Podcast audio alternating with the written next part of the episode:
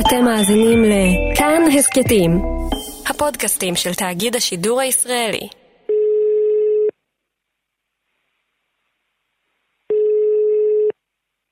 אהלן עקיבא, מה נשמע?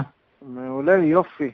איפה אני תופס אותך? בבית. אתמול בבוקר הרמתי טלפון ליעל גרמן, שהיא ח"כית לשעבר מיש עתיד, וביקשתי ממנה לחטט בכמה מסמכים ישנים. בתלוש שאני מחזיקה מולי, שהוא מ-2018, צריך לקחת בחשבון שהיו העלאות, לפחות שתיים, בתלוש שלפניי, שכר היסוד הוא 39,148, תוספת יוקר 3,400, בסך הכל 42,555 ש"ח.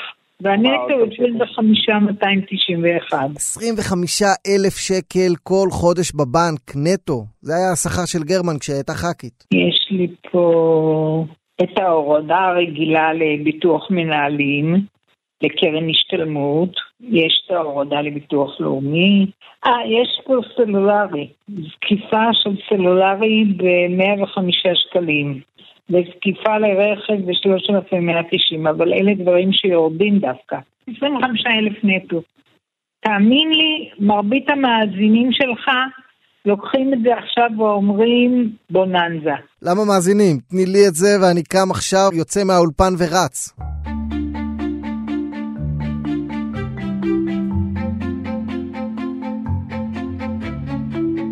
היי, אני עקיבא נוביק, והיום בעוד יום, פודקאסט האקטואליה של כאן, אנחנו נצלול אל תלוש המשכורת של חברי הכנסת. למה הוא עולה בכל שנה כמו שעון שוויצרי?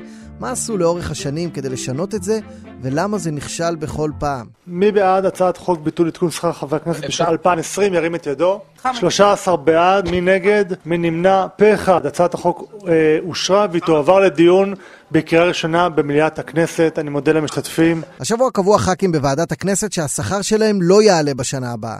זה קרה אחרי ביקורת ציבורית אדירה, ואחרי שהמשכורת מהכנסת עמדה לטפס ב-6,500 שקלים כל חודש, אל יותר מ-50 אלף שקלים ברוטו. חלקו את זה בשתיים, בחמש, בעשר, וזו עדיין משכורת חודשית יפה להיום. איך, איך במשבר כזה, עם כל כך הרבה עסקים שקרסו, מישהו חושב שזה הזמן הנכון להעלאת שכר? אז זהו, שזה לא דווקא עכשיו. זה קורה כל הזמן, מדי שנה, ואת יעל גרמן זה התחיל להטריד כבר לפני שבע שנים.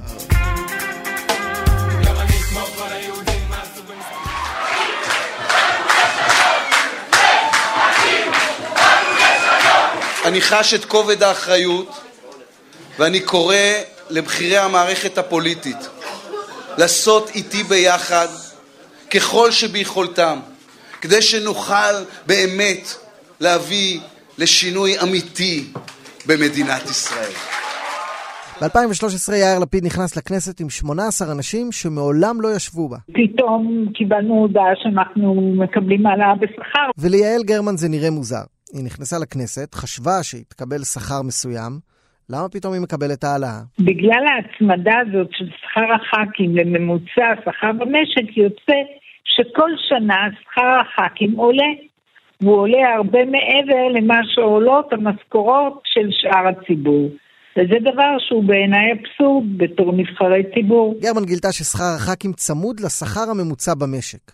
ואם השכר הממוצע עולה, אז גם השכר של הח"כים עולה. יש הרבה דרכים לקבוע משכורת במגזר הציבורי, זאת אחת הנדיבות שבהן. אז היא החליטה שצריך לשנות את זה. אין במגזר הציבורי אפילו אחד שקובע לעצמו את השכר. ואז יעל גרמן הבינה משהו משונה, שמי שקובע את המשכורת של הח"כים זה הם עצמם.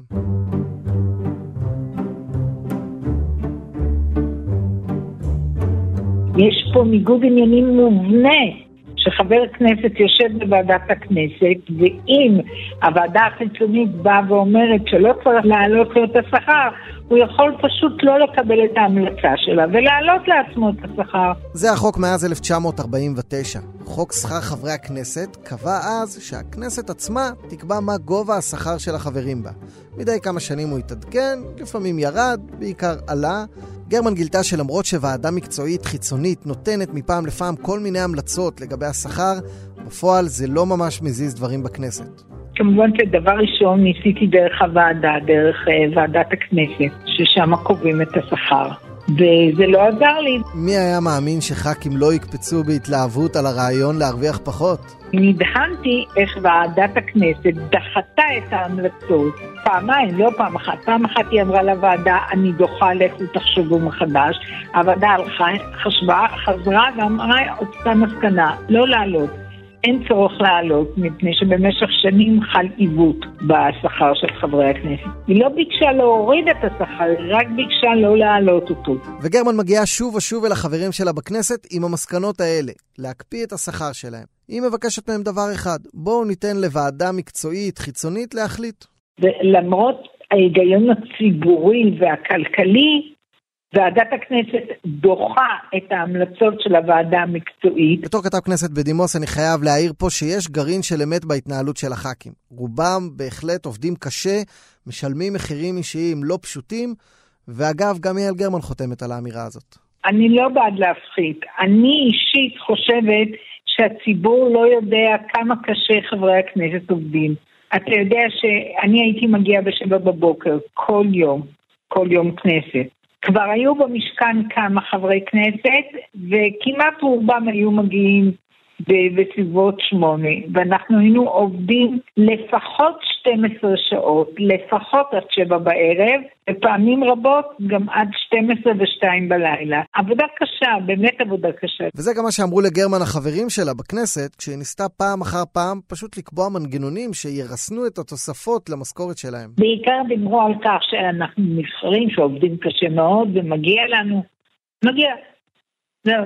אנחנו עובדים מאוד מאוד קשה וכבר, ובמילא משמיצים אותנו ולא מכבדים אותנו, בעצם זה שאנחנו נוותר על השכר, אנחנו לא מכבדים את עצמנו. אנחנו מצדיקים אי הכבוד. ופה השאלה, כי מה פוגע יותר בכבוד של הח"כים? יש מי שיגידו שלראות אותם כל שנה מתעקשים לכתוב לעצמם את המשכורת, זה גם לא שיא הכבוד. כשראיתי שלא מצליח לי בוועדה, ניסחתי הצעת חוק, הצעת חוק שאומרת במפורש שחברי כנסת לא יכולים לקבל את ההחלטה על שכרם, ויש להוציא את ההחלטה מידי לידי ועדה מסודרת, שימנה יושב ראש הכנסת בראשות שופט ועוד אנשים נכבדים, והוועדה הזו היא זו שתחליט. זאת כבר ועדה חדשה, לא רק ממליצה, אלא ממש קובעת. את הרעיון היא הביאה אל יושב ראש ועדת הכנסת דאז, יריב לוין מהליכוד. אני העליתי את הצעת החוק הזו לפחות שלוש פעמים, אולי אפילו ארבע.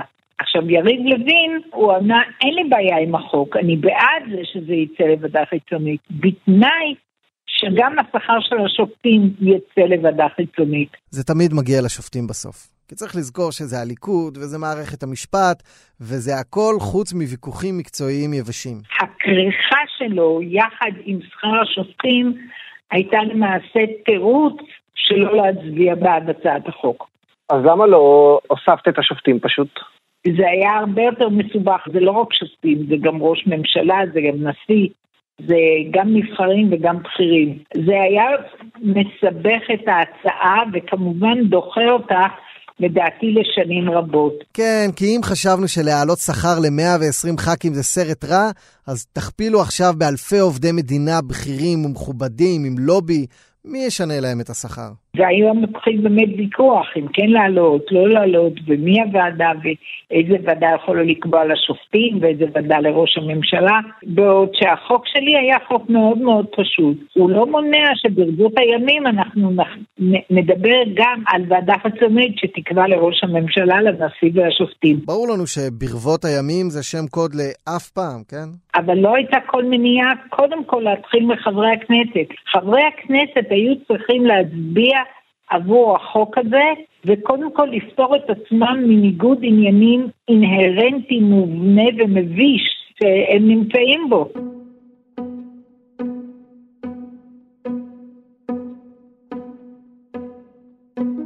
יעל גרמן עזבה השנה את הכנסת. במאבק הזה היא לא הצליחה, אבל היא כבר ראתה את הארץ המובטחת כמו משה רבנו בהר נבו. אז החודש השכר הממוצע של הח"כים היה אמור לעלות בלא פחות מ-6,500 שקלים. באופן אבסורדי ההעלאה השנה גדולה מהרגיל, בגלל שרוב מפוטרי הקורונה הם כאלה שמשתכרים נמוך, אז השכר הממוצע במשק דווקא עלה.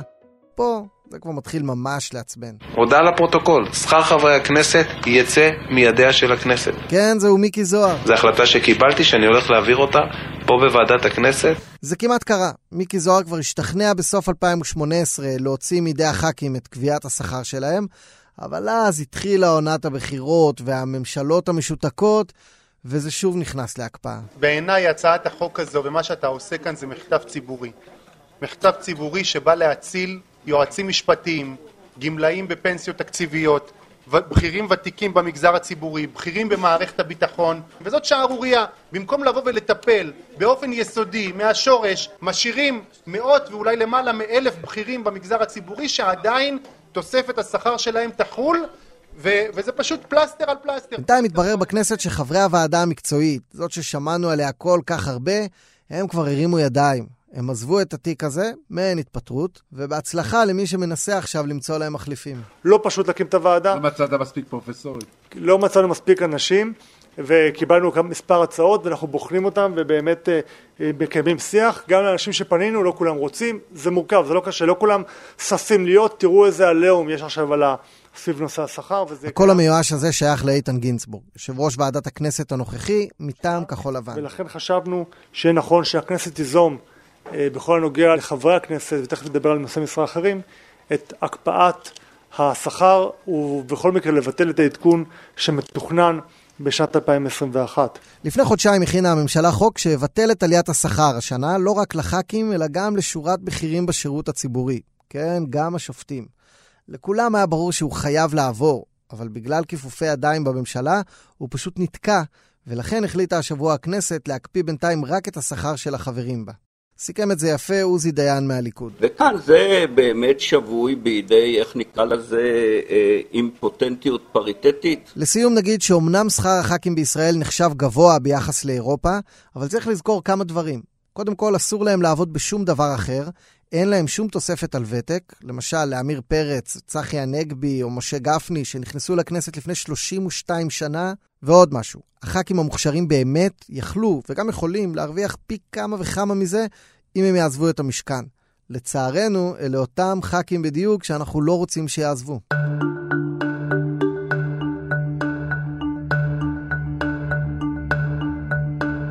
עד כאן להפעם. נודה ליעל גרמן, לדניאל אופיר ורום אטיק שערכו את הפרק הזה. תודה לטכנאי שרון לרנר ולמעצבת הפסקול חן עוז. עוד פרקים ועוד הסכתים אפשר לשמוע בכל אפליקציה שמכבדת את עצמה, בדף של כאן. אני הייתי עקיבא נוביק, מתכוון גם להמשיך להיות, ורק שנהיה בריאים.